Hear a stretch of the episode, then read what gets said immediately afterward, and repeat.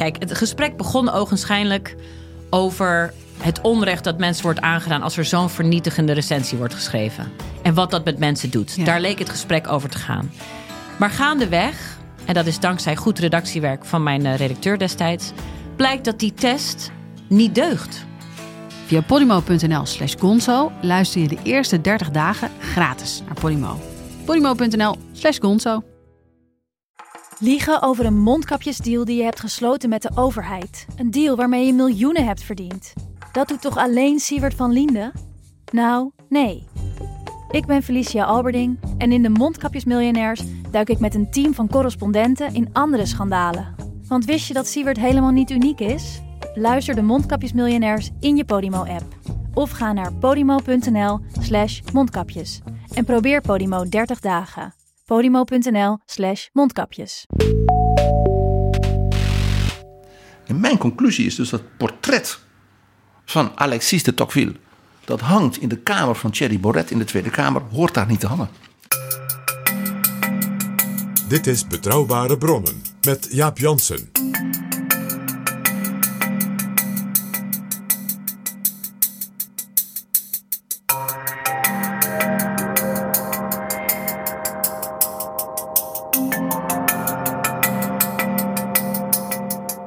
Hallo, welkom in Betrouwbare Bronnen, aflevering 57. Welkom ook PG. Dag Jaap. Voordat we beginnen, eerst even een oproep. We zoeken adverteerders en sponsors. Heb je belangstelling daarvoor? Neem dan contact op met onze reclamejongen. Hij noemt het zelf account manager. Flip Kilian Adams. Dat kan door een mailtje te sturen aan flipapenstaartdagennacht.nl. Flip, apenstaartdagennacht.nl. Jaap Jansen en Pieter Gerrit Kroeger duiken in de politieke geschiedenis. Ik heb een boek in handen, uitgegeven door Boom, onlangs verschenen. Alexis de Tocqueville, het Ancien Régime en de Revolutie, is in het Nederlands vertaald door Berend en Bram Sommer.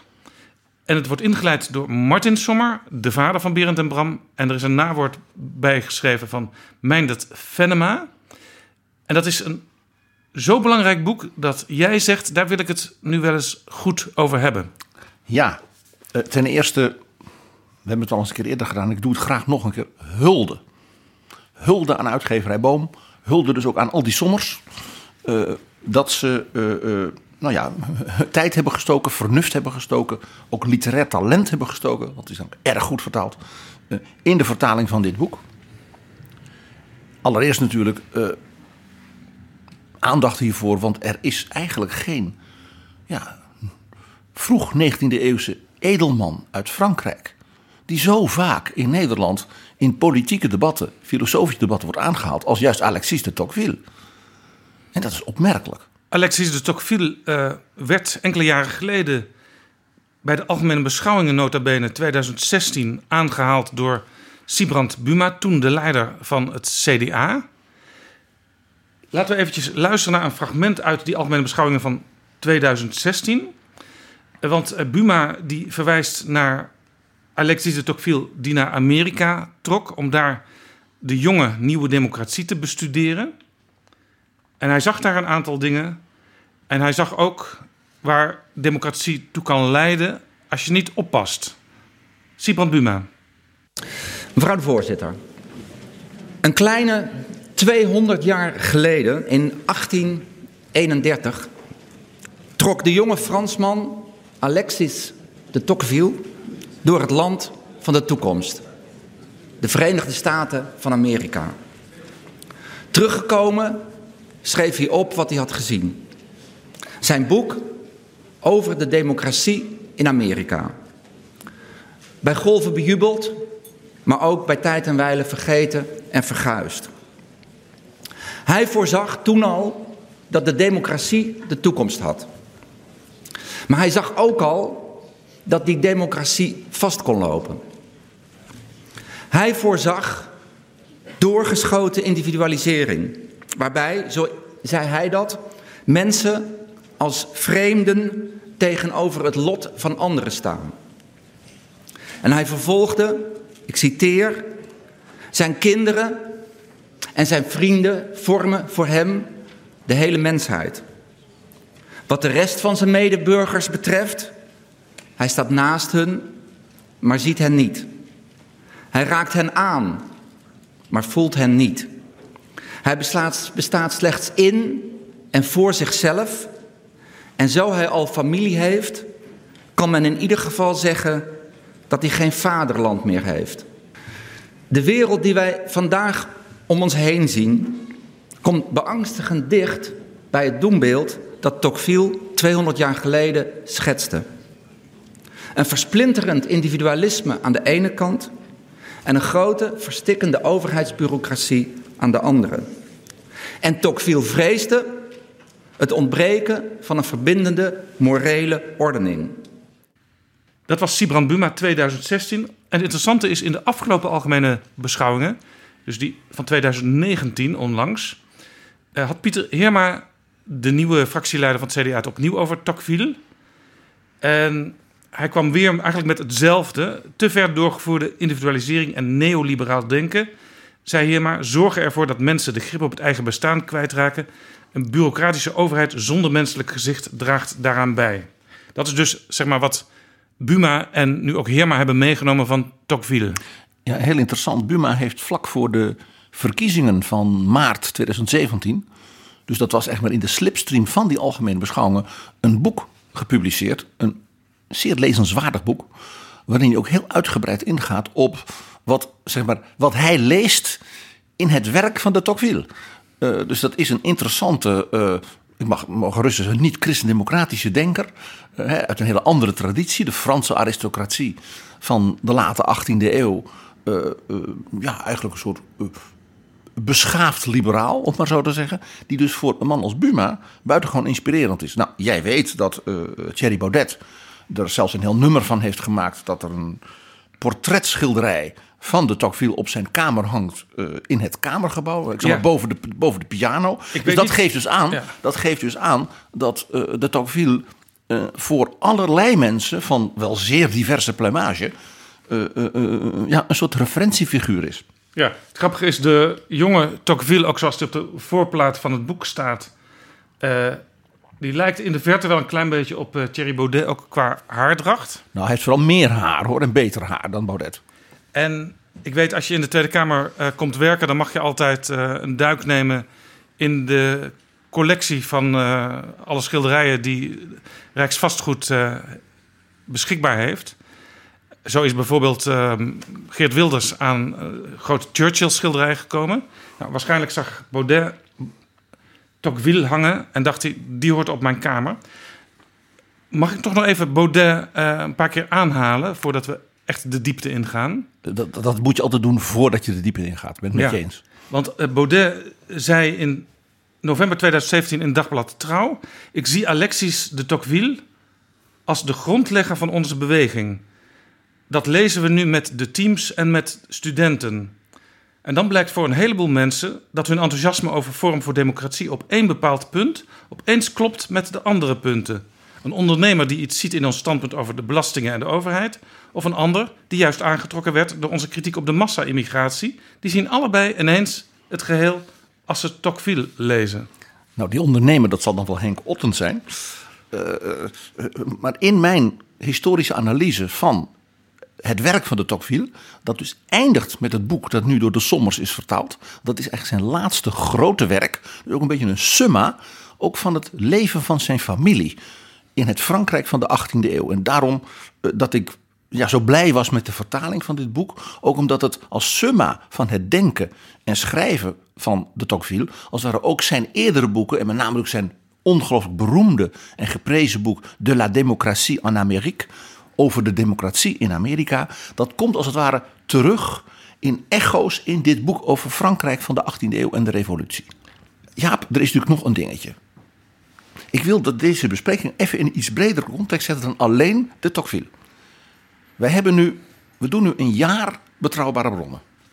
En als jij nagaat met onze luisteraars hoe vaak in onze gesprekken, niet alleen in de historische rubriek, maar ook daarin, zeg maar, die generatie van denkers, politici, uh, ontdekkingsreizigers. van nou, zeg maar tussen 1770 en 1840. Ja, uit die periode. En die komen dus al door weer terug. Hun boeken zijn vertaald. Wel, onlangs hadden we Edmund Burke, Adam Smith. We hadden Wopke Hoekstra die in Berlijn ja, een prestigieuze reden houdt ter ere van 250 jaar Alexander von Humboldt. Ja. Het is fascinerend. We hebben het over, de, we hebben het over Savonin Lohman over het onderwijs. die eh, geboren is in 1837, een aristocraat, dus ook wiens ouders en voorouders nog uit die 18e eeuw kwamen. We hebben het met Andrew Roberts gehad over Napoleon. Dat hij zei: Ik ben heel anders over Napoleon gaan denken. toen ik eenmaal de diepte inging. We hebben het over Thomas Jefferson als vriend van eh, Alexander van Humboldt gehad. We hebben Wilhelm van Humboldt als de grootste onderwijsvernieuwer in de geschiedenis. Met andere woorden, dat was blijkbaar een periode waarin denkers tot bloei kwamen. En ook ineens allerlei verbanden konden worden gelegd tussen die denkers. Ja, en ik ga nu met Alexis de Tocqueville ja, op reis naar Amerika. En terug ook in de tijd, ook voor hem terug in de tijd naar het Frankrijk van de 18e eeuw.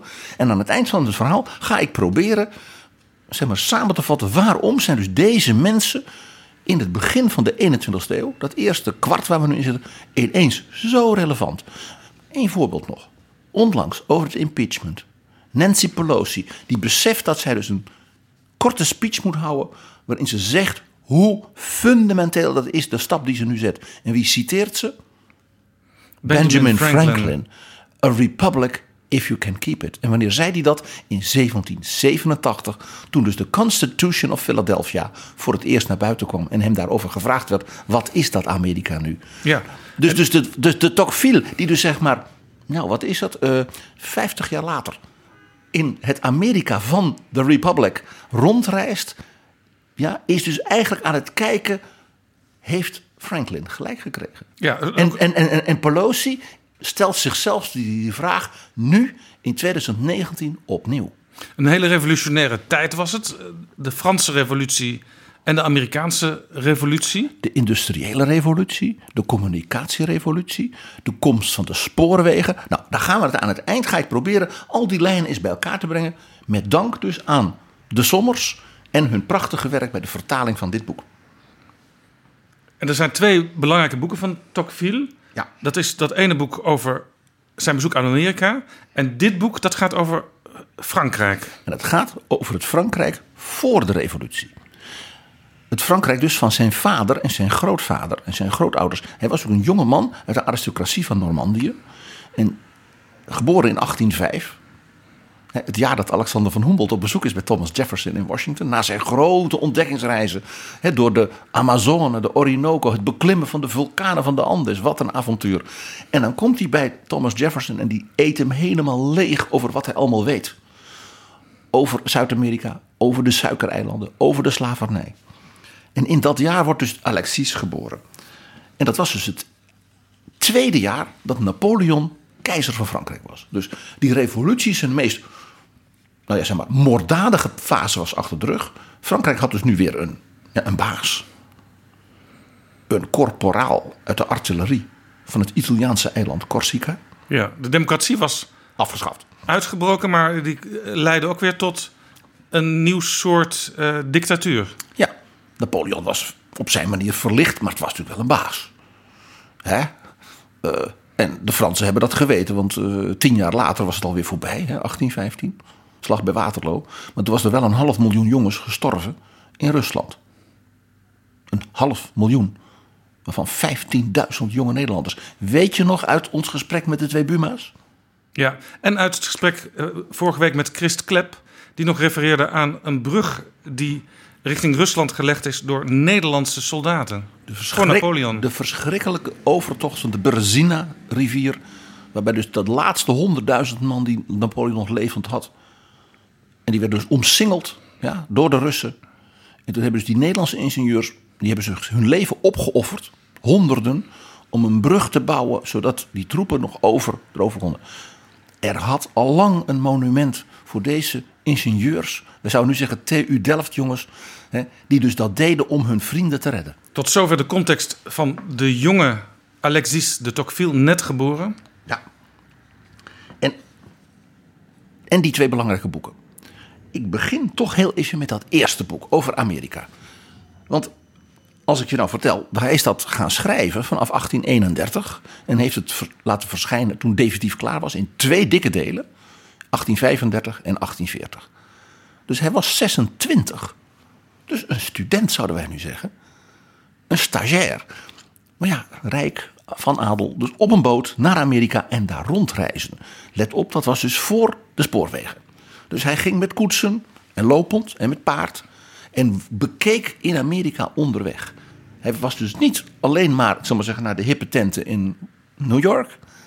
Of alleen in het regeringsgebouw van Washington. Hij heeft overal op het platteland, in de dorpjes, de kleine steden, de hoofdsteden van de verschillende staten van Amerika. Het was toen al natuurlijk een federale staat, waarbij die gouverneurs van South Carolina en Alabama en, en, en Connecticut het echt voor het zeggen hadden. En die president in Washington van 1830, ja, die was ver weg. Zeker ook voor de gewone man in Amerika.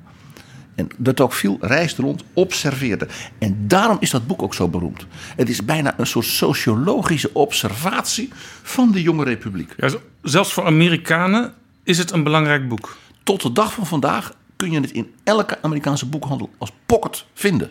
In het Engels.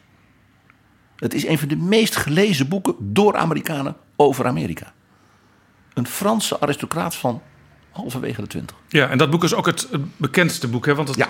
nieuwe boek wat nu de aanleiding is voor dit gesprek... dat is iets minder bekend. Is minder bekend, maar is dus als samenvatting van zijn denken heel belangrijk. Bovendien, hij is niet lang daarna overleden. Hij is niet zo heel oud geworden. Dus het is ook een beetje, ja, meer hebben we niet. Om maar zo te zeggen, van de Tocqueville. Nou, het mooie is dat hij...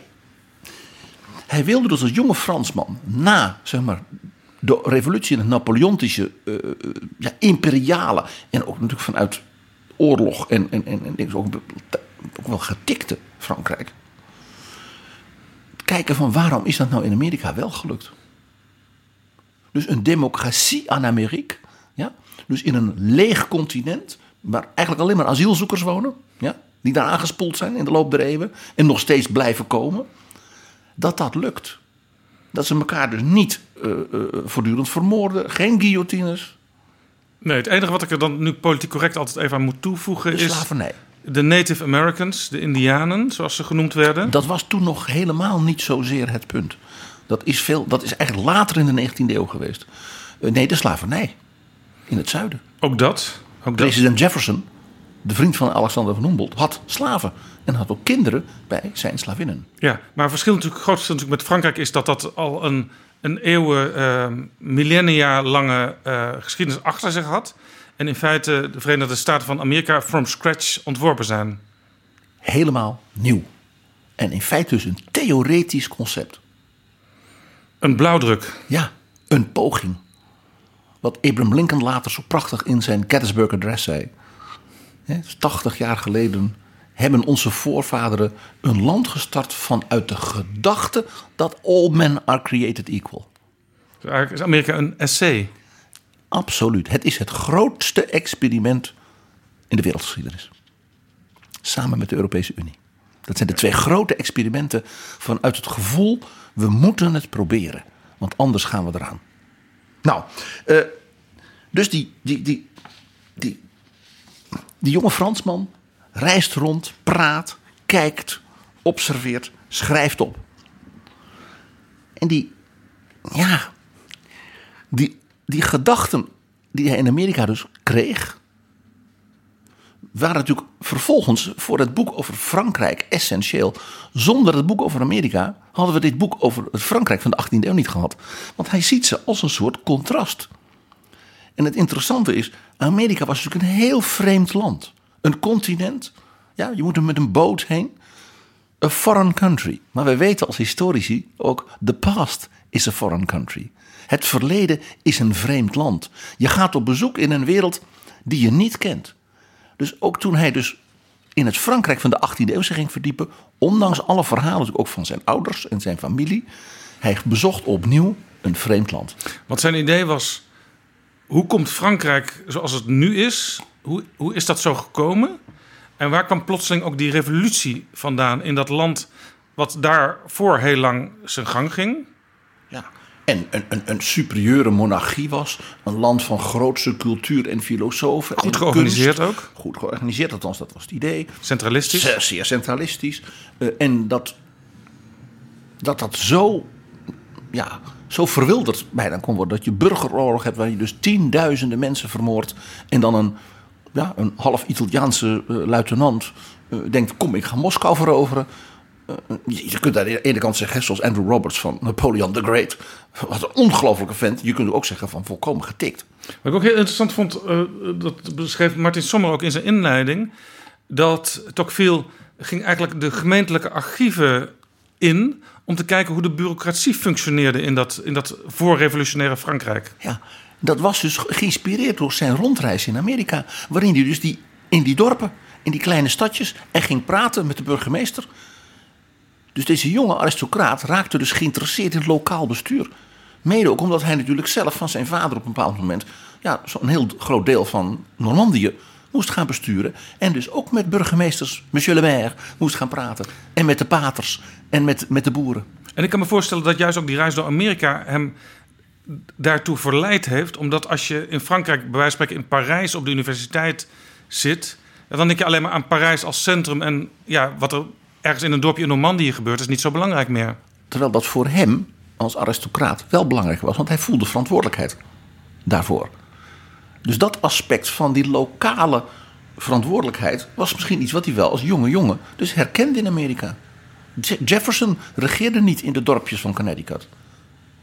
En hij kon dus ook door zijn Amerikaanse reis kon hij op een andere manier naar Frankrijk kijken dan veel uh, bekende Franse denkers en wetenschappers vanuit Parijs deden. Die nog nooit in Amerika waren geweest en misschien ook helemaal geen Engels konden. En misschien ook nog nooit in de campagne echt uh, de wortels hadden onderzocht. Ja. Zal ik eens even in, voor onze luisteraars, zeven punten... de belangrijkste lessen van de Tocqueville uit Amerika... en hoe dat als het ware dan vervolgens doorwerkt... in zijn blik op dus het Frankrijk en daarmee het Europa van de 18e eeuw ja, en de revolutie. Daar ben ik heel benieuwd naar. En dan gaan we, als we dat hebben doorgenomen... kijken we nog even wat iemand als Thierry Baudet nu zo aanspreekt in Tocqueville... en om te kijken of dat op elkaar aansluit. Ja, laten we dat doen. Wat zag dus nou die 26-jarige ja, student, zouden wij zeggen... op zijn tochten hè, door Pennsylvania, New Jersey, Virginia... Fascinerend. Ik vind het ook fascinerend. Hij moet er ook heel anders hebben uitgezien dan de gemiddelde Amerikaan. Op dat al. Hij moet ook geweldig opgevallen hebben onderweg. Ik zie daar ook een film in zitten, maar zo ben ik dan. Ten eerste, wat hij noteerde, echt punt 1. Wat hij zag, wat hem het meest ja, fascineerde. Daar bleef ik altijd op terugkomen. Hij zag een trotse, onafhankelijke burgerij in plaats van passieve onderdanen. Dus echt een sociaal weefsel. Ja, en die mensen waren er ook trots op dat ze citizens waren. En niet subjects. Want de Amerikanen waren natuurlijk subjects geweest van koning George III van Engeland. En waren toen in opstand gekomen. Je zou kunnen zeggen, in de politiek gaat het vaak om waar is de balans tussen vrijheid, gelijkheid, broederschap. Dat hij hier de broederschap heel erg aantrof. En de vrijheid. Want het was een onafhankelijke burgerij. Het was niet zo dat Jefferson vanuit Washington die de mensen kon dwingen. Hun gewetens, hun lokale tradities. Dat was, daar waren ze vrij in. En ze waren dus onafhankelijk en ze waren trots. Wat je tot de dag van vandaag in Amerikanen ziet. Proud to be an American. Tweede. Hij zag een heel subtiel samenspel van die dertien oprichtende staten. Daar kwamen er inmiddels ook een paar nieuwe bij. Ja, uh, uh, die 13 staten, ja, dat zijn er nu 50. Dat begon dus ook in die vroege 19e eeuw ja, aan wat toen het Westen was. Dat is nu de Appalachian Mountains. Ja, dat vinden wij nu de Oostkust. Dat was toen het Westen. Ohio was de Midwest. Nou, dus dat begon te groeien. En hij zag dus dat die staten hele ruime bevoegdheden hadden. Dus dicht bij de burgers konden blijven daarmee. En tegelijkertijd de federale overheid in Washington dus de garant van de rechtsstaat was. Met het Supreme Court. We hebben het er onlangs met het impeachment over gehad. Dat datzelfde jaar dat hij geboren was, 1805, opperrechter Samuel Chase een impeachment aan zijn broek kreeg. Aangezet door de president. Ja? Dus die rechtsstaat was ook in opbouw. Dat was dan ook weer een experiment. Nou, Zoals je nu in Europa ziet dat het Europees Parlement macht verovert op de lidstaten, de regeringen. ja, zo vindt elke nieuwe vorm, die, verdient, die vindt zijn weg. En die, die schept een soort traditie en een verhouding tot andere delen van het systeem. En dat groeit. Dat heeft tijd nodig. Kijk in Europa, hè, dat we de rechtsstaat in Polen, in Hongarije zeggen we, nou die staat onder druk. Tegelijkertijd vindt men dat Brussel natuurlijk de soevereiniteit van de lidstaten niet mag ondermijnen. Maar volgens willen we wel dat er Brussel ingrijpt. Dus wij vinden het ook moeilijk. Ja. Wij vinden het ook moeilijk. Vandaar dus ook dat ik zeg, kijk terug in het verleden, waarin je dus ook lessen kunt zien in de zin van, ach, de Tocqueville en Thomas Jefferson vonden het ook moeilijk. Dus hè, schrik niet te gauw. En in die zin dus ook heel terecht dat Tocqueville weer in de boekhandels op de voorste stapels ligt. Hier zie je al zo'n voorbeeld dat ik zeg van waarom de mensen uit die tijd zo relevant zijn. Nou, hij zag dus ook dat bijvoorbeeld de president in Washington, dus met die federale staat, dingen deed die die 13 staten niet zelf konden doen. De munt, de dollar, de post. Wat in die tijd voor de spoorwegen en het internet was natuurlijk de post essentieel. De president had dus ook door de benoeming van postmasters in al die dorpjes een geweldig machtsding ja, voor patronage en baantjes uitdelen, waarmee hij dus ook zijn politiek kon ondersteunen. Iets wat we nu bijna niet meer zien. Maar het feit dat de minister van Posterijen in Amerika tot zeg maar in de jaren 50 een van de machtigste mannen van het land was. Ja, ook het woord alleen al, hè? Postmaster General. Exact. De, de algemene postchef. Ja, je denkt toch gewoon zo iemand die br- briefjes uitdeelt. Nee, het was een van de man, een man met een van de allermachtigste apparaten van de Amerikaanse samenleving. Nou, dat soort dingen, die zag dus de Tocqueville. En waarom? Omdat hij daar ging rondreizen. En dus met de postkoets letterlijk af en toe meereisde. En een intellectueel die hier in, in Parijs of hè, op, op de universiteit een boek zat te schrijven hè, over eh, de uil van Minerva of zoiets dergelijks, die had nog nooit rondgekeken. Dat dus de postmaster in Amerika een belangrijke figuur was. Voor het nieuws, voor de post, voor het verkeer, voor de handel. Ja. Wat ik in- Amerika ook altijd interessant vind. eh, je hebt er één munt, net als de euro, de dollar. Eh, maar je hebt daar ook net als in Europa in elke staat een andere BTW-heffing.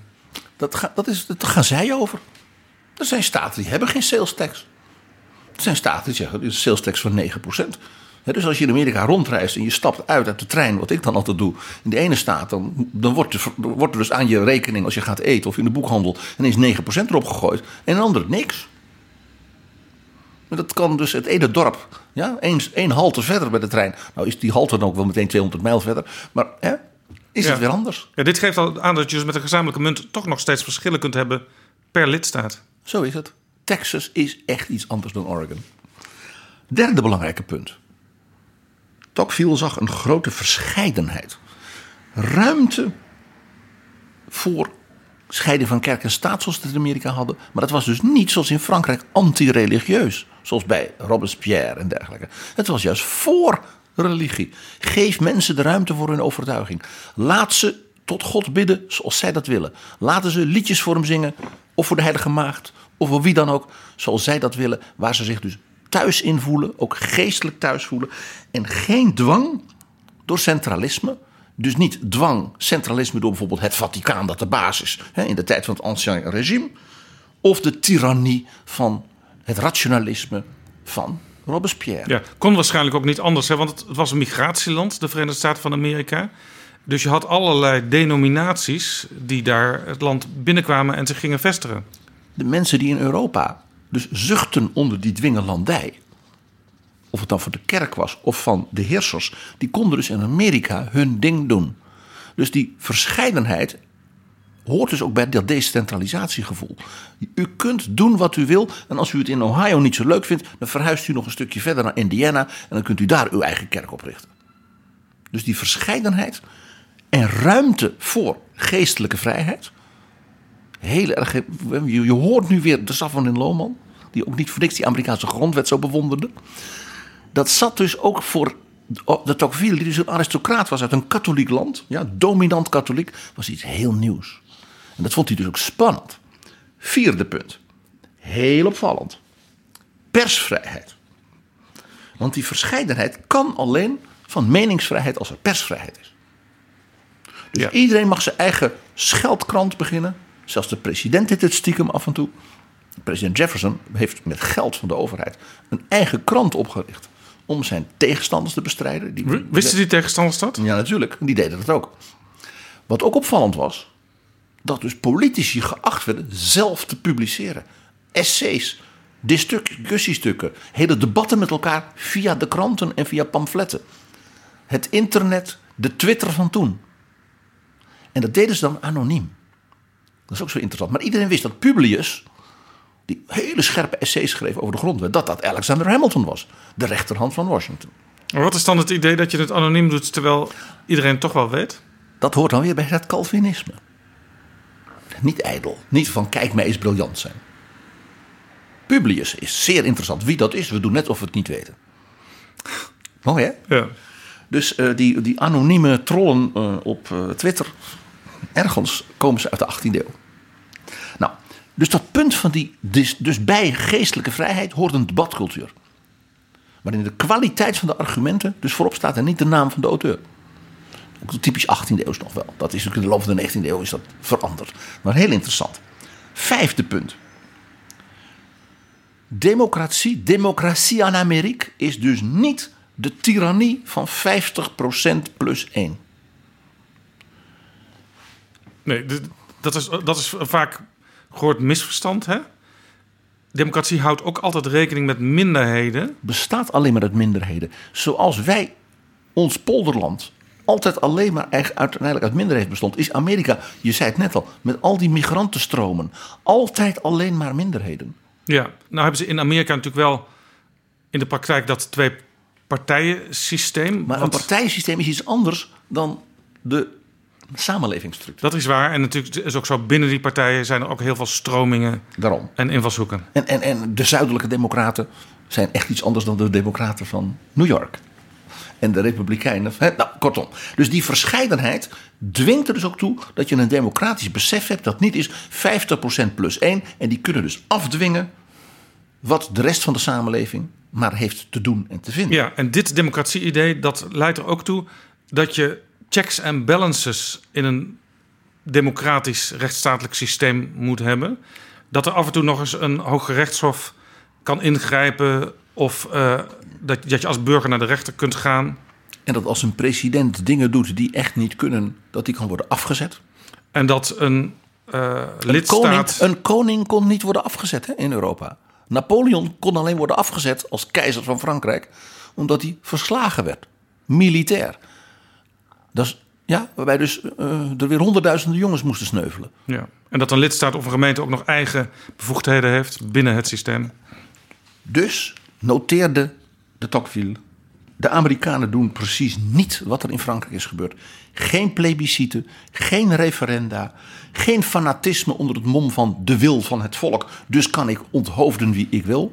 Het is juist gedecentraliseerd. Die verkiezingen zijn zo decentraal dat de president via tussenstapjes wordt gekozen. Denk aan dat, die kiesmannen die we elke vier jaar weer moeten uitleggen. Per staat zoveel kiesmannen. Die kiesmannen kiezen dan de president. Ja, Niet dat, het volk. ja, maar dat is langzamerhand wel, ook in Amerika wordt dat wel gezien als iets heel archaïs. En daarom juist. Maar we- we- Zesde punt. we ja, ik onthoud eventjes, we komen er later wel op terug. Geen plebiscite, dus geen referenda. Dat is dus een misverstand bij Thierry Baudet. Daar gaan we het nog over hebben. Want aan het eind van zijn leven heeft de Tocqueville iets heel principieels gedaan op dat punt. Waar zijn leerlingen in het Europa van de 21e eeuw misschien nog hele goede les uit kunnen trekken. Dat komt nog. Ja, maar dus checks and balances, Eh, Evenwicht. civil society. Ja, dat is het volgende punt. De vrucht van deze 1 tot en met 5 punten is precies wat jij zegt. Het begrip dat we dankzij de Tocqueville dus hebben gekregen. Want hij zocht naar een woord voor wat dat is. En dat is dus een civiele samenleving. Een civil society. Dus niet een formele, bij wet afgedwongen, die was er ook. Maar de echte, het hart van de samenleving was dus verenigingsleven. Debating societies, goede doelen, caritas, armenzorg, ziekenzorg, scholen, universiteiten. Allemaal door burgers vrij ja, en met hun eigen geld ook opgericht En heel belangrijk, zei hij, een civil society met dus die vrijheid van meningsuiting en die politiek zoals die is, veronderstelt dus goed geïnformeerde burgers. Ze moeten de kranten lezen, ze moeten dus de discussies volgen, niet zomaar wat schreeuwen. Vandaar dus ook die getrapte verkiezingen, zodat je aldoor weer verstandige mensen als het ware het vervolg van de discussie laat doen. En hij geeft als voorbeeld, heel mooi en ook heel Frans. Hij noteert in zijn boek een verhaal over de temperance societies in Amerika. Dat waren dus burgers, wij zouden zeggen van de blauwe knoop. Het bestrijden van de drankzucht. En als Fransman, ja, dat vond hij toch wel heel vermakelijk, die Amerikanen. Want hij zei niet alleen dat dat dus burgers zijn die zelf bijvoorbeeld niet willen drinken, ja, maar die zeggen ook anderen moeten niet drinken, want dat is slecht voor je gezondheid, slecht voor je zedelijkheid, slecht voor de opvoeding. Dus wij gaan de samenleving beïnvloeden van onderop. Ja, dus als groep, groeperingen, als Vrijwilligersorganisaties in feite? Burgerij. En dus als er dan een, een, gezin is met een drinkende vader, dan gaan wij die kinderen helpen. En we hopen dat die vader dan niet meer drinkt. En dan, heeft hij dus gezegd: als in Frankrijk zulke temperance societies überhaupt bestonden. Je begrijpt het als Frans, wat een grote lol. Het bestrijden van uh, wijn drinken, nee, dus, hè, of cognac en armagnac. Mm, heerlijk. Ja, uh, nee, natuurlijk. Hij zei: maar als het in Frankrijk bestond, wat zouden Fransen doen? Die zouden de overheid eisen dat er vanuit Parijs een, een, een, een wet werd gemaakt en een controlesysteem voor alle nachtclubs, cafés en restaurants. Ja, hier wijst Meindert Venema ook uh, op in zijn nawoord uh, bij het vertaalde boek. Uh, precies. En, en, maar ik vind ook, je hoort hier een jonge Fransman van zeg maar 27, 28 grinniken ja, ja in heel, zijn postkoets. Heel mooi beeld. ja. Maar nog even. en toch ja. dus. Hij bewonderde dus die mensen die dus zoveel ja, civil, vrijwillige actie deden om die samenleving op te bouwen van onderop. Ja. In plaats van van bovenop controlesystemen. Dus geen controlemechanismen vanuit Parijs. Ja? Op de nachtclubs, de restaurants en de cafés. Hij zegt, want dat zou gebeuren in Frankrijk. De Amerikanen doen het van onderop. Zijn zevende en laatste belangrijke conclusie was dan ook: het geheim van la démocratie is dus niet de regelgeving. Niet dat de formaliteiten briljant zijn geformuleerd en van bovenaf opgelegd. Ook niet dat de politieke partijen en hun organen zijn die komen en die gaan. Maar dat het de burger is die zichzelf organiseert en met anderen aan de slag gaat. De overheid is er om dat ruimte te geven, aan te moedigen, eh, in plaats van dat van bovenaf in te perken, te dicteren. Hij zegt, daardoor was de Verenigde Staten waren en decentraal en actief van onderop en dus divers en daardoor politiek heel vitaal. Ja, hier herken ik overigens wel een aantal elementen die je ook bij partijen als het CDA en de ChristenUnie terug hoort. En dus begrijp ik in die zin wel dat mensen als Buma en Heerma naar Tocqueville verwijzen. De, het accent op de samenleving meer dan markt of bureaucratie en staat, wat je in de christendemocratie als politieke stroming in heel Europa tegenkomt, heeft nadrukkelijk Tocqueville-aspecten.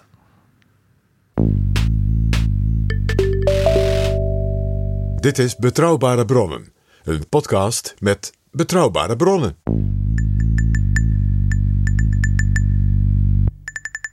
We gaan nu naar zijn boek over Frankrijk. Het Ancien Régime en de Revolutie. Dat schreef hij als een veel rijpere politieke persoonlijkheid dan de jonge, observerende, bijna socioloog. Ja? Een soort actieonderzoek. Het is eigenlijk heel modern hè, wat hij deed.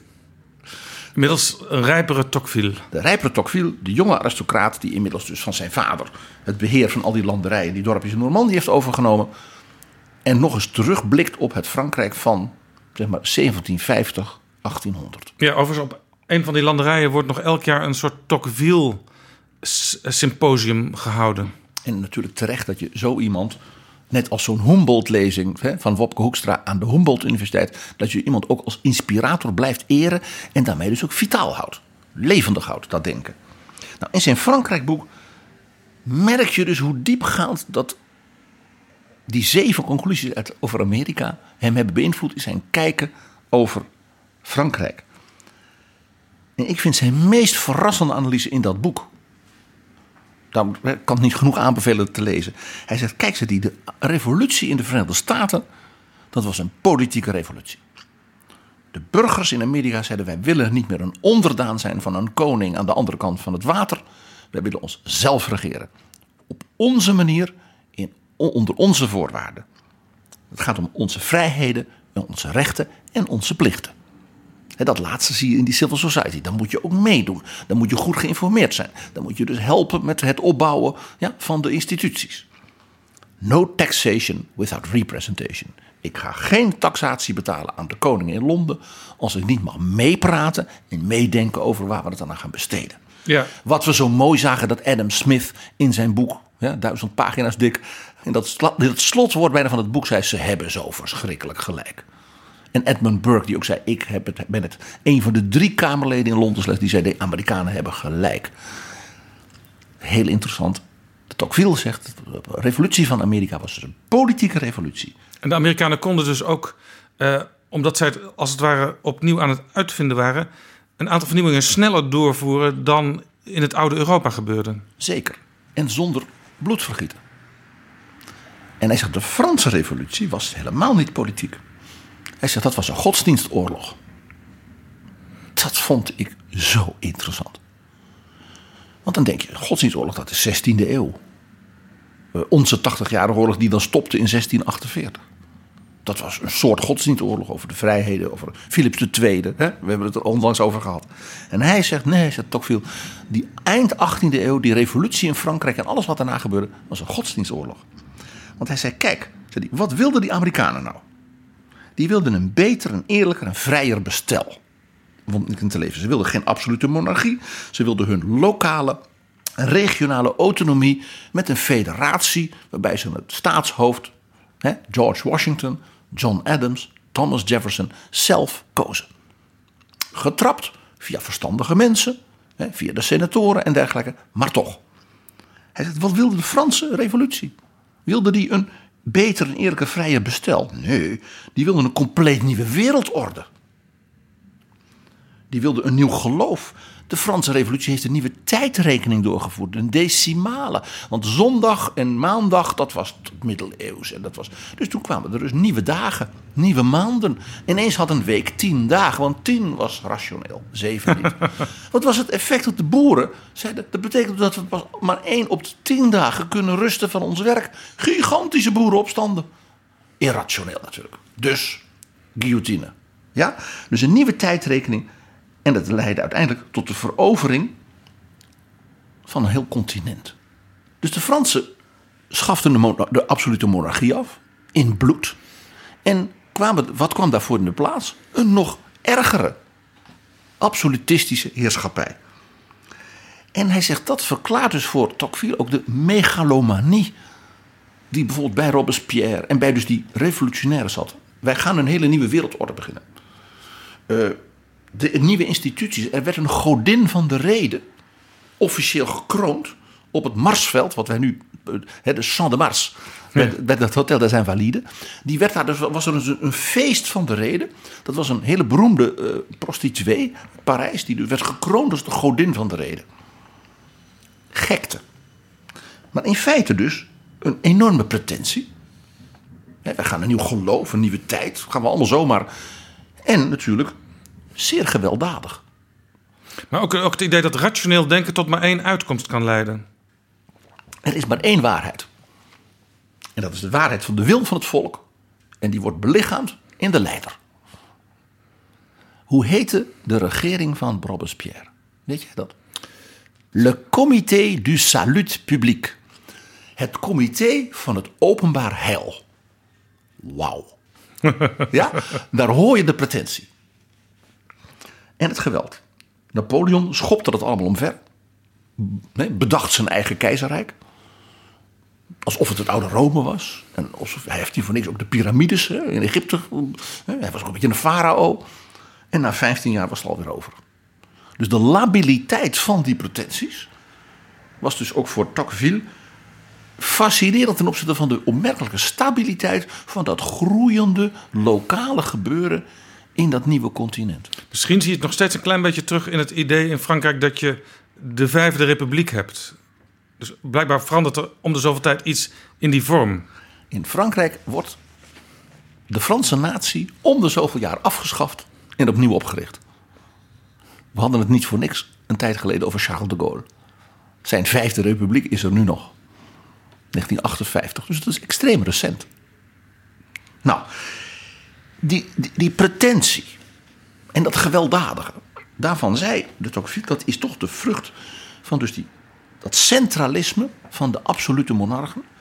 Het colbertisme, dus die economische centralisatie, waarbij dus de overheid ook de economie ja, via tollen en ja, helemaal ook verlamde. Waardoor, Ja. ja, En heel erg vanuit blauwdrukken gedacht, dus vanuit Parijs. Ja.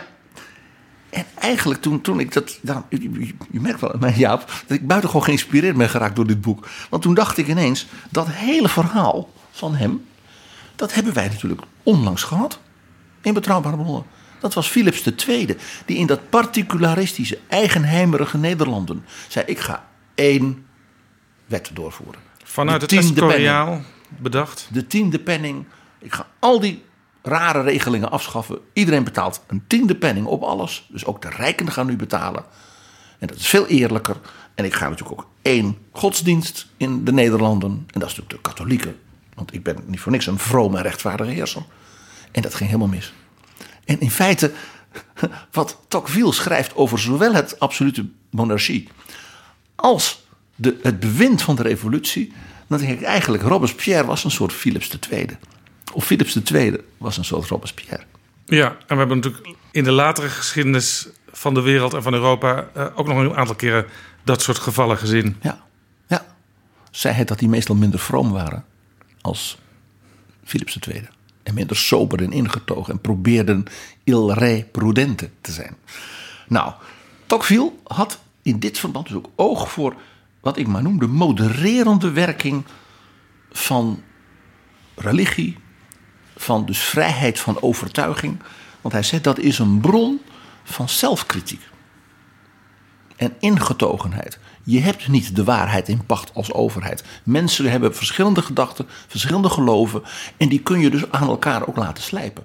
Daar word je dus kritisch van op jezelf. Maar dus ook, een, dus ook niet naar religie kijken, bijvoorbeeld naar een Bijbel, als iets wat altijd vaststaat in zijn betekenis, maar ook iets waarover je kunt discussiëren. Wat betekent het eigenlijk wat hier staat?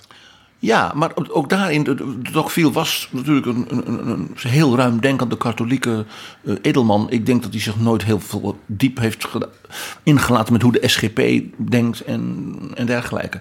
Dat was vrijheid. Dat was net als in Amerika. U, de een zegt ik wil baptistisch, de ander doet het als een Hispanic eh, op, op, op zijn katholieks. De zwarte kerken zingen mooi, maar anders dan de Lutherse kerken in Minnesota. En dat mag. Maar dus wel waardering voor zeg maar, de, religie als inspiratiebron. Ja, en als bron dus van zelfkritiek. Dat je weet, er is nog iemand boven ons die probeert, die er niet vanuit gaat dat ik vanzelfsprekend, dat, dat, dat de mens vanzelfsprekend gelijk heeft. Nou, hij zag dus in de Verenigde Staten dat element van dat modererende, dat zelfkritische. En hij zei, dat was dus in Frankrijk volkomen afwezig. Want de katholieke kerk had het voor het zeggen in de absolute monarchie van de 18e eeuw. En daarna kwam dus de revolutie met die tyrannieke reactie van fanatici die dus tienduizenden mensen vermoorden Ja. in de Vendée. En ook heel erg tegen, tegen priesters gericht. De beroemde opera van Poulenc, een van de beroemdste producties van de Nationale Opera. Een van onze ondersteuners, Jaap. Dialogue der Carmeliet. Onlangs nog weer hernomen. Briljant stuk van de Franse componist Poulenc. Het is niet voor niks toevallig een Fransman. En dan was zijn reactie, de opera is in de jaren 50 geschreven. Het was zijn reactie op Auschwitz. Hij herkende dus die moorddadigheid uit de Franse geschiedenis. Precies, waar ik net al Ja. impliciet naar verwees. En hij zei: Kijk, in Amerika zie je dus dat godsdienstigheid individualisme bevordert. Mensen geloven met elkaar in groepen. En u doet maar. Gewetensvrijheid, pluriformiteit. De Savon en Lohman en Troelstra samen. Artikel 23 van de Grondwet. En dat was dus een besef van beperking van macht bevorderen van verantwoordelijkheid, van soberheid, omzien naar zwakkeren. En wat ik, wat ik altijd maar noem de gunfactor. Je zegt, oh jij mag ook geloven wat je wil. Jij mag ook een school voor je kinderen, als het wel een goede school is. Dus de gunfactor zit in die modererende werking van die benadering van vrijheid van meningsuiting. Het, de Tocqueville is dus buitengewoon negatief, echt scherp, over de intellectuele elite van de 18e eeuw. Dat die zegt, die, ja, die waren uh, enthousiast atheïstisch. En dat maakte dus die moordlust van de Franse revolutie zo fanatiek. En daarin herken je, mag ik het zeggen, Pol Pot. Daarin herken je Stalin. Ja. Dus in dat opzicht was het boek ook als les uit Amerika over het Frankrijk van de, van de jaren van zijn ouders en grootouders. Dus ook een heel bitter boek en ook een waarschuwend boek. En waarschijnlijk heeft iemand als Stalin nooit iets van Tocqueville gelezen. Ik zou dat niet uitsluiten. Stalin kende zijn Marx, zijn Engels, zijn Lenin. En reken maar dat, ze, dat ook Marx de Tocqueville gelezen heeft. Over Amerika en de economie en de vrijheid. Reken maar. Maar dan moet er toch iets in dat hoofd zijn geweest wat dacht... kan ik hier ook voordeel uitputten uit deze kennis? Ongetwijfeld. De Tocqueville was dus, en dat is mijn conclusie... helemaal niet de oprichter van een soort conservatieve stroming.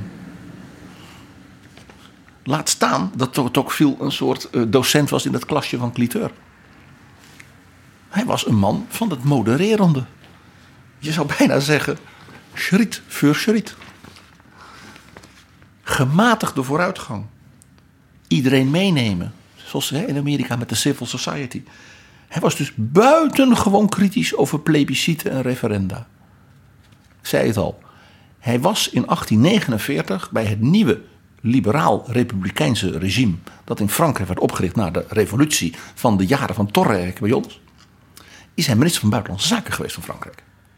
Ja, kort. Kort, want hij is afgetreden.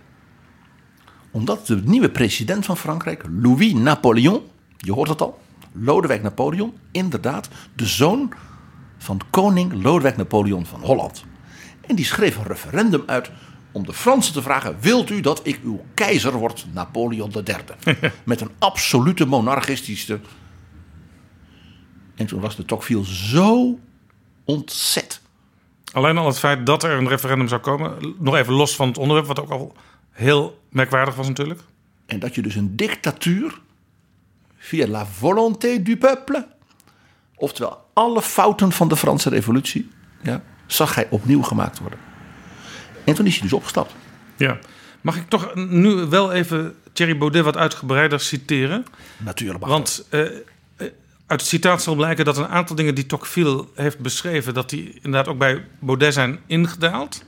Alleen inderdaad, zijn conclusie, die is dan in jouw redenering niet aan, uh, aan Tocqueville te ontlenen. Uh, Baudet in Elsevier van 4 september van dit jaar, 2019 hij zegt dus, je moet Tocqueville lezen, heeft een goede analyse gemaakt.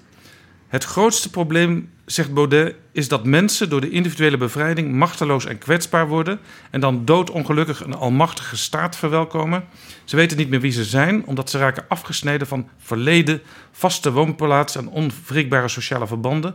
En ze worden vatbaar voor radicale ideologieën, irrationele angsten en depressie. En dan gaat Baudet verder.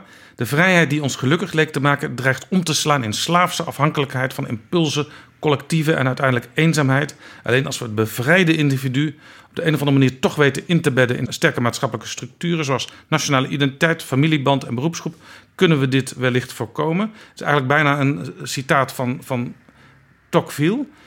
En Baudet voegt er aan toe het zachte despotisme dat Tocqueville voorspelde, zien we terug in de verzorgingsstaat en de Europese Unie, maar ook in de onderwijsvernieuwingen die iedereen op een betekenisloos gemiddelde wil doen uitkomen. Directe democratie is de enige noodrem die we hebben tegen uitdijende staatsmacht. Religie kan eveneens houvast bieden en de existentiële crisis van de bevrijde mens bezweren. Als dat niet lukt, zie je een diepe onrust, zoals in moderne kunst een wanhopige schreeuw in de ruimte.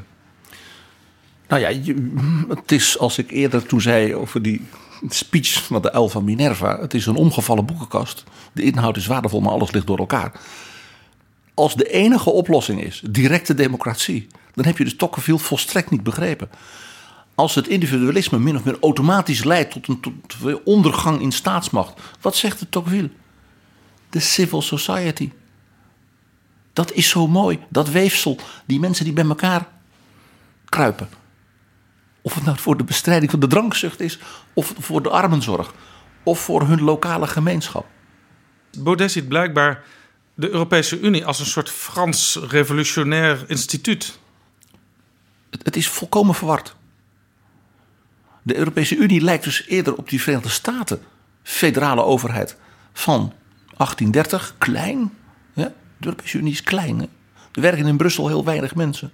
De EU is 1,2 procent van het BBP. En ook ruimte om in de lidstaten in te vullen wat in grote lijnen in Brussel samen wordt afgesproken. Ja, en dat vul je volgens zelf in. Ja. Dus het interessante is dat als je de Tocqueville leest in zijn tijd en zijn blik vooruit, dat je juist precies het omgekeerde ziet van wat Baudet beweert. Namelijk, die zegt juist die directe democratie moet je vooral niet hebben. Je moet juist ruimte geven dat mensen zich elkaar vinden rondom hun overtuigingen. Het individualisme ja, kan dus voedend zijn als het zelf kritisch is en dat men elkaar opzoekt. Dat is wat ik noem, hij is de man van het schriet voor schriet. Van de gematigde vooruitgang en iedereen meenemen. Hij was dus ook voor geduldig beleid en was dus een, had een afkeer van diva gedoe. Ik bedoel, Louis Napoleon, die zichzelf keizer wou maken. Hij, ja, verschrikkelijk. Ja, dat is natuurlijk ook bij Baudet in de praktijk in zijn partij de eh, niet te verklaren paradox dat hij wel directe democratie overal wil invoeren, behalve in zijn eigen club. Nou, dat is niet helemaal waar. De leden van zijn partij kunnen bijvoorbeeld het partijbestuur bekritiseren. Maar dan moet, geloof ik, twee derde van alle leden op één plek bijeenkomen. Dus dan moet je een zaal huren voor 30.000 man of zo. Ja, zo kan ik het ook, hè. Maar dit is dus Robespierre. La volonté du peuple. Alleen ik organiseer die. En ik ben die. Dus het heel interessant. Ik vind het dus fascinerend hoe dus de analyse van de Tocqueville volkomen op zijn, op zijn kop gezet wordt. Zoals overigens Baudet dus in die speech ook, wat ik toen zei dat, over de christelijke waarden en de christelijke cultuur, dat mijn analyse was, die zet hij op zijn kop. Precies het omgekeerde van wat het is, beweert hij. En dat is blijkbaar patroon. Dat is wel interessant. Je kunt bij Forum voor Democratie nu voor 1000 euro een cursus volgen over het gedachtegoed van Tocqueville. Ehm, die 1000 euro die kun je dus in je zak laten zitten als je gewoon naar jouw betoog nu geluisterd hebt, eh, PG. Nou ja, ik hoop eigenlijk dat ieder lid van het Forum 1000 euro overmaakt naar eh, dag en nacht media als sponsor van betrouwbare bronnen. Nou, ik zei altijd zo, eh, sorry hoor, het was een beetje, een beetje een flauw grapje.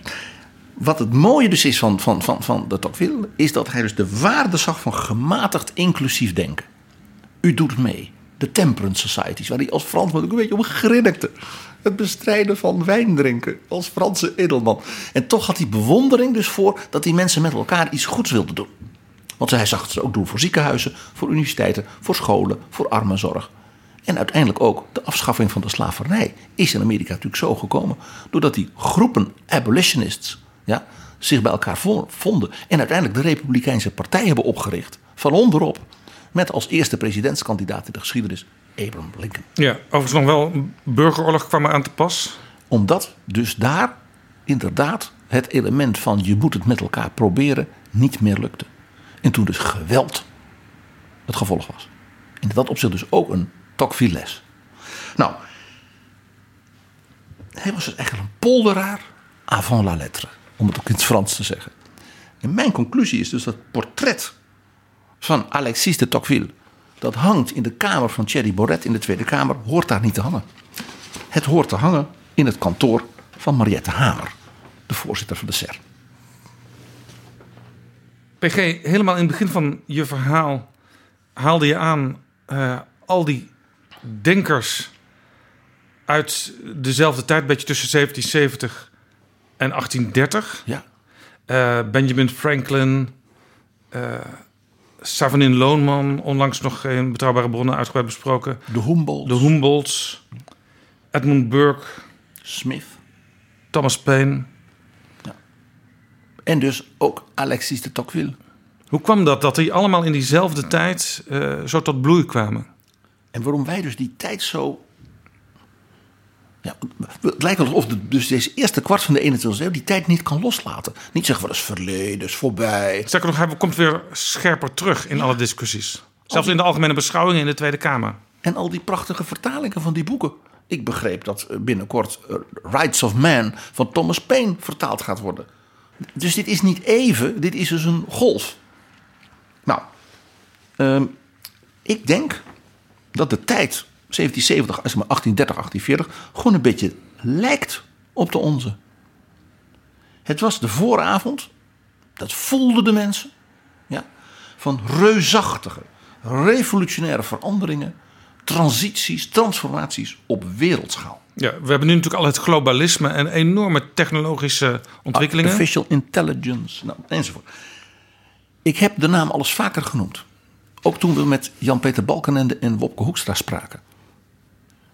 Professor Jürgen Osterhammer, oh ja. de grote Duitse historicus, met zijn ontstellend dikke boek Die Verwandlung der Welt. Dat was toch ook die man die mocht spreken op uitnodiging bij de 60ste verjaardag van Bundeskanzler Angela Merkel? Ja, haar 60ste verjaardag, maar dan dat werd gevierd door het partijbestuur van de CDU. Dus niet door de, de, de, regering. Maar als partijvoorzitter van de CDU werd ze toen geëerd voor haar 60e verjaardag. En toen vroeg ze, dus, vroeg ze dus wat wil je hebben als cadeau. En toen was dat een lezing van professor Jurgen Osterhammel over globalisering van anderhalf uur. En ze had namelijk op vakantie, dus bij haar wandeltochten in Zuid-Tirol, dat boek van 1200 bladzijden van de man gelezen. Die Verwandlung der Welt. En zijn analyse ja, helpt je te begrijpen waarom dus Alexis de Tocqueville, Adam Smith, Benjamin Franklin, Goethe, ja, de, Humboldts zo relevant zijn. Mag ik ze eens even aanstippen in een klein, klein lijstje van dus wat er gebeurde in diezelfde tijd dat je denkt, oh, het lijkt onze tijd wel. Eén. Een industriële revolutie barstte los. Er kwamen spoorwegen. Er kwamen stoomschepen die dus gewoon de hele wereld konden bevaren. Er kwamen dus ook massalegers. Ja? De technologie maakte dus ook het militaire bijna onstuitbaar. Dat zag je dus voor het eerst in die burgeroorlog in Amerika. Tweede, dit leidde tot een globalisering van verkeer, handel en dus ook van koloniale imperia. Engeland, Frankrijk, die heel Afrika veroverde. De Nederlandse, Nederlandse heerschappij in Indië is niet uit de 16e, 17e eeuw. Die is van de 19e eeuw.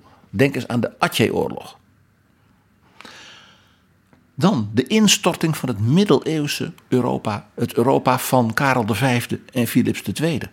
En van de Franse koningen Lodewijk. Napoleon die kwam. Daarna kwam de restauratie. Waar de vorsten hun greep probeerden te krijgen weer. Maar er ontstond door de alfabetisering, die hoorde natuurlijk bij de industriële revolutie, ook een massacultuur en massapolitiek. Compleet nieuw. Dan dat individualisme, doordat iedereen zelf ging lezen en die dichters en denkers de mensen inspireerden. Dat leidde dus tot individuele gedachten en dus de opmars van de romantiek. Gevoel, emotie werd belangrijker dan wat het geloof of de koning aan wetten oplegde. Goethe, de dichter van de 18e eeuw, begon als jonge romanticus. Hoe, hoe noemden ze dat in Duitsland? Sturm und Drang, het woord zegt dat al. Daarna werd hij een gematigde denker, politicus in de lijn, zouden wij zeggen, van Tocqueville en van Humboldt. Dus het individualisme leidde ook tot de romantiek in de kunst, in de cultuur en dus ook in de politiek. Gevoel werd belangrijker dan regels. Hoe herkenbaar. En dan natuurlijk dat we door die enorme ontwikkeling van wetenschap en technologie voor het eerst het universum rationeel aan feiten natuurwetenschappelijk konden doorgronden. Denk aan het boek, het slotboek van zijn leven, Kosmos in vijf delen van Alexander van Humboldt, de uitvinder van de natuur. Het hele idee van dat er iets is als klimaat over de hele wereld is van Alexander von Humboldt. En wij kunnen dus door naar die tijd en, en ook de gedachten uit die tijd van zeg maar 200, 250 jaar geleden eh, terug te grijpen, kunnen we ook weer greep krijgen op onze eigen tijd. Nou ja, je ziet dingen, patronen die je nu ook weer ziet. Mag ik er nog één voorbeeld noemen? Politiek. Wat ontstond er toen? Compleet nieuwe wereldmachten. De United States of America. De la démocratie en Amerika. Iedereen begreep toen, hier komt een kolos op wereldschaal. En helemaal toen dus de stoomschepen, de industrie kwam, toen werd dat een kolos. Maar ook het nieuwe Rusland van tsaar Alexander en zijn broer, tsaar Nicolaas I. We hadden overal al hebben gepraat met Anne Applebaum. Dat Rusland werd ineens een wereldmacht.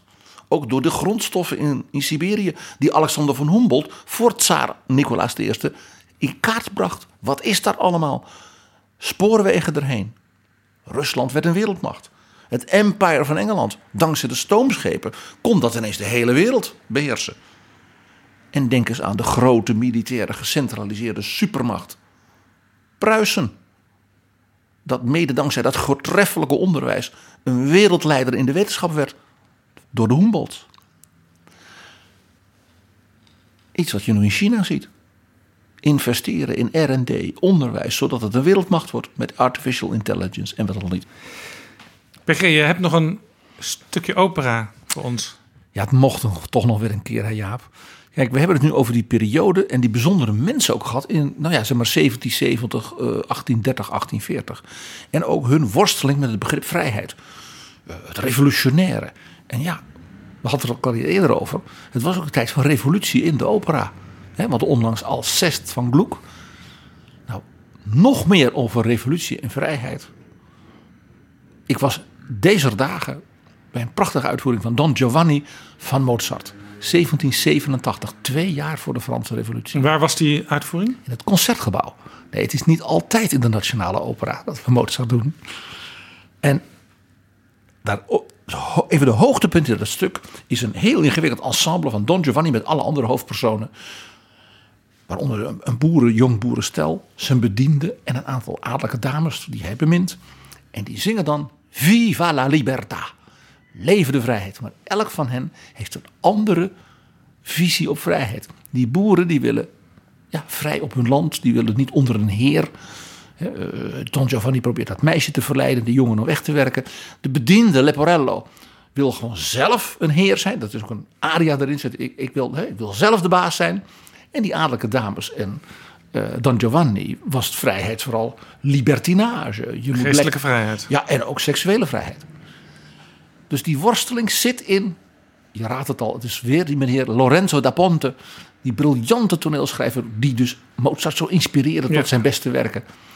En de, dus deze ook ironische en gelaagde blik op de vrijheid, eigenlijk onderdeel ook van het werk en de analyse van de Tocqueville, hè, met zijn boekzoek in Amerika en alles, klinkt wel rempel door 1787 in Don Giovanni van Mozart. Laten we een stukje luisteren.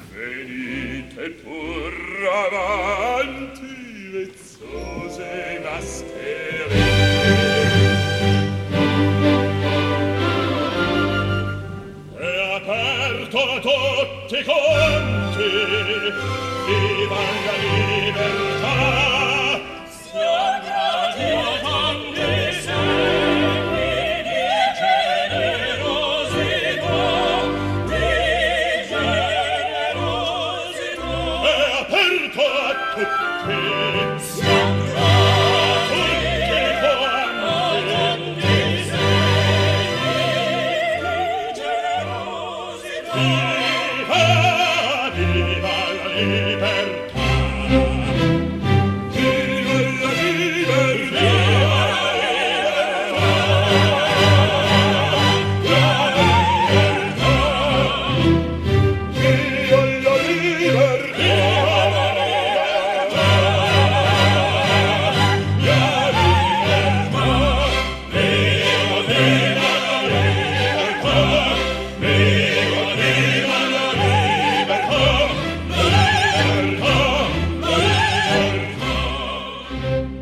Dat was een fragment uit Don Giovanni van Wolfgang Amadeus Mozart. Weet je nog, die als kind de loterij op het Binnenhof bezocht in de Ridderzaal? Met zijn vader en zijn zusje. Nannerl, ja. Het was een mooie aflevering van Betrouwbare Bronnen trouwens over het ratje toe van gebouwen aan het Binnenhof en wat daar zich allemaal heeft afgespeeld. En, en we konden bijna niet weten toen we dat deden Hoe ongelooflijk actueel dat ook weer bleek. BG, mag ik je hartelijk danken voor dit gesprek. Je spaart me in elk geval een duizend euro kostende cursus bij Vorm voor Democratie uit. Ja, wij zijn wat dat betreft een ondermijner van de, het verdienmodel van het Renaissance Instituut. Dankjewel, PG.